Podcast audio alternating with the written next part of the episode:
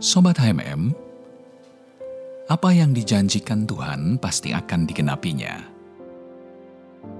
Namun sebagai anak Tuhan, kita harus yakin bahwa untuk berpegang pada firman Tuhan yang sesungguhnya dan saat sikap kita beriman dan mengucapkan janjinya.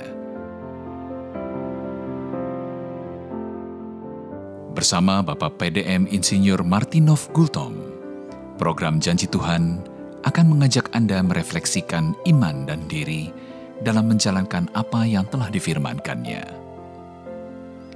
Selamat mendengarkan. Shalom Sobat HMM yang dikasih Tuhan Salam jumpa kembali bersama saya Pastor Martin Gultom Dalam acara kita Janji Tuhan Apa kabar Sobat HMM? Doa pengharapan saya semua dalam keadaan baik-baik dan berjalan dalam kemenangan Tuhan Melihat dengan nyata Tuhan adalah pemenang yang memberikan kemenangan bagi kita semuanya. Sobat HMM, pertemuan kita kali ini kita akan baca dari Mazmur 27 ayat 1 sampai 3 dengan tema Tuhan terangku. Nah, sobat HMM, hari-hari ini kegelapan menyangkut ekonomi, situasi sosial ya kita tahu perang belum selesai, dampak COVID kepada ekonomi masih berdampak buruk resesi, PHK, ya, dan hal-hal buruk lain yang kita dengar secara sosial. Dan itu kita tidak menyangkali sebagai kenyataan di atas fakta. Namun, garis bawahi, namun di dalam Tuhan kita tidak dikuasai oleh fakta kebalikannya. Kita dikuasai oleh kebenaran Tuhan. Nah, di dalam Mazmur 27, seorang Daud, Raja Daud, pemazmur Daud, ya, dia adalah teladan konkret hidup dikuasai oleh kebenaran firman Tuhan. Tema Tuhan terangku kita ambil dari Mazmur Daud. Ayat 1 sampai 3. Mari kita akan baca. Dari Daud. Tuhan adalah terangku dan keselamatanku. Kepada siapakah aku harus takut? Tuhan adalah benteng hidupku. Terhadap siapakah aku harus gemetar? Ketika penjahat-penjahat menyerang aku untuk memakan dagingku, yakni semua lawanku dan musuhku. Mereka sendirilah yang tergelincir dan jatuh. Sekalipun tentara berkemah mengepung aku, tidak takut hatiku. Sekalipun peperangan melawan aku, dalam hal itu pun aku tetap percaya. Nah, sobat HMM, saya mau mempertentangkan kontras gelap dan terang. Dunia berkata gelap, tapi firman berkata terang dan Daud melihat terang.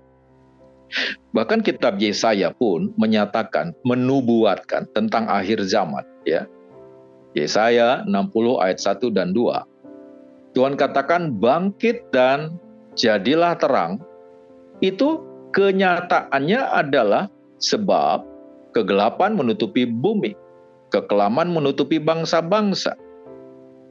Bahwa kegelapan itu akan menutupi bumi dan bangsa-bangsa secara pekat itu memang sudah dinubuatkan.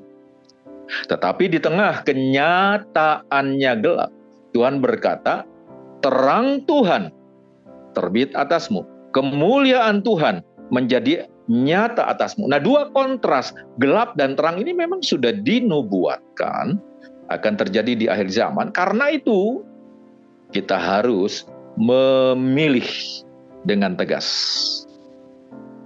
Jadi bedanya kita dengan orang-orang yang belum di dalam keselamatan oleh Tuhan Yesus.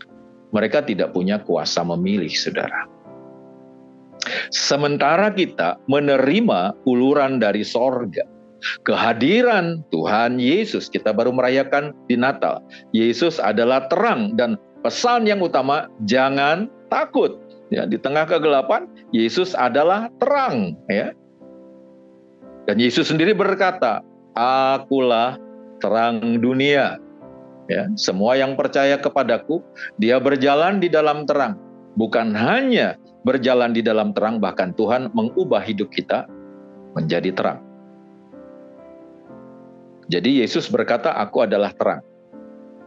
Dan kita yang percaya Yesus, di dalam Yesus, kita dijadikan terang. Kamu adalah garam dan terang. Kamu adalah seperti kota yang di atas bukit yang terang. Nah, saudara, kontras gelap dan terang adalah sebagaimana kita kalau kembali peristiwa di Taman Eden. Sebelum Adam dan Hawa itu makan buah yang dilarang, hidup mereka terang, saudara. Apa yang ada, apa yang dilihat, apa yang dirasakan, semuanya terang. Apa itu? Melihat Tuhan penuh sukacita melihat Taman Eden penuh sukacita. Melihat semua keadaan, semuanya baik. Nah itu terang. Tidak ada ketakutan, tidak ada rasa tertuduh, rasa tidak layak, rasa terhukum. Nggak ada, saudara. Tapi begitu melanggar firman, jangan kamu makan buahnya, pada waktu kamu makan kamu akan mati. Mereka mengalami hal yang kontras. Yang tadinya melihat Tuhan itu terang. Sekarang yang terjadi melihat Tuhan itu menakutkan. Mereka harus bersembunyi. Nah, saudara, ini yang harus dibereskan. Apa itu? Rasa terhilang, tertolak karena dosa, karena tidak memiliki kekudusan dan kebenaran. Yesus sudah membereskan semuanya itu sehingga kita sekarang melihat Tuhan itu Tuhan yang baik, yang tangannya terbuka lebar, yang tangannya merangkul kita, yang tangannya terulur untuk melindungi, menolong, menyelamatkan kita. Nah, ini namanya terang, Saudara, ya. Jadi ketika Daud katakan Tuhan adalah terangku, maka semua yang namanya takut, yang namanya rasa tidak layak, namanya rasa tertuduh itu diselesaikan di kayu salib dan Yesus katakan sudah selesai. Yesus katakan dibayar lunas. Yesus katakan sekarang kamu jadi ciptaan baru. Ya, di kitab Wahyu berkata, "Lihat, semuanya aku jadikan baru." Nah, kita harus melihat diriku sebagai seorang yang sudah menjadi baru seolah kembali kepada momen Adam dan Hawa sebelum jatuh dalam dosa, karena di dalam Yesus yang lama sudah berlalu, yang baru sudah datang, maka sekarang melihat kepada Tuhan adalah Tuhan yang real, ada bersamaku, hadir, menyertaiku.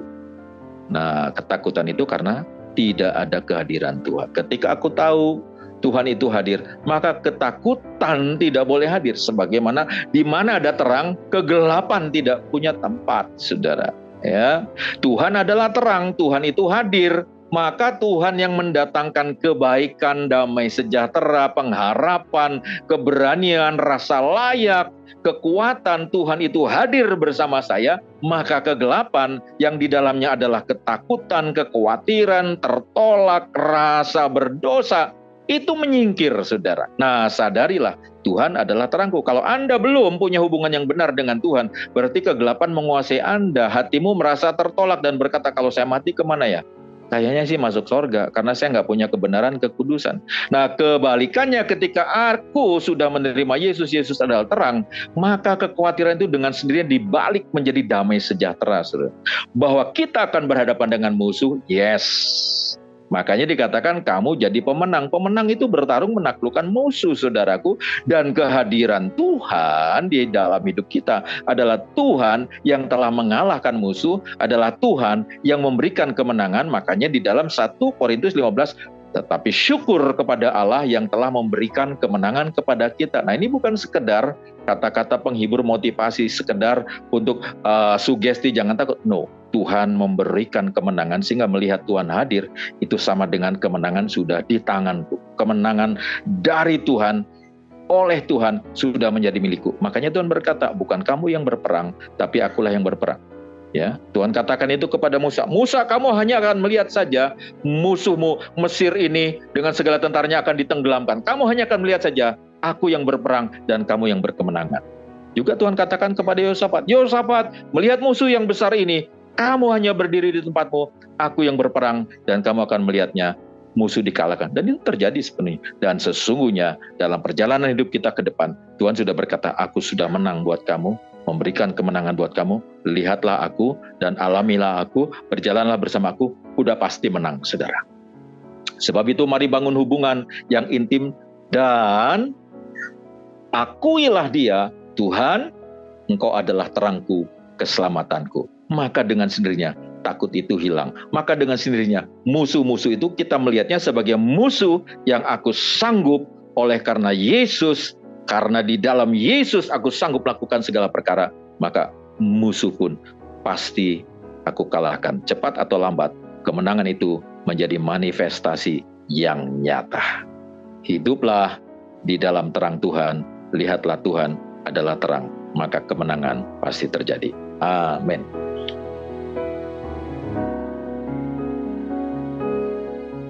Sobat HMM, Anda baru saja diajak merefleksikan diri untuk lebih dapat menjalankan firman Tuhan bersama Bapak PDM Insinyur Martinov Gultom.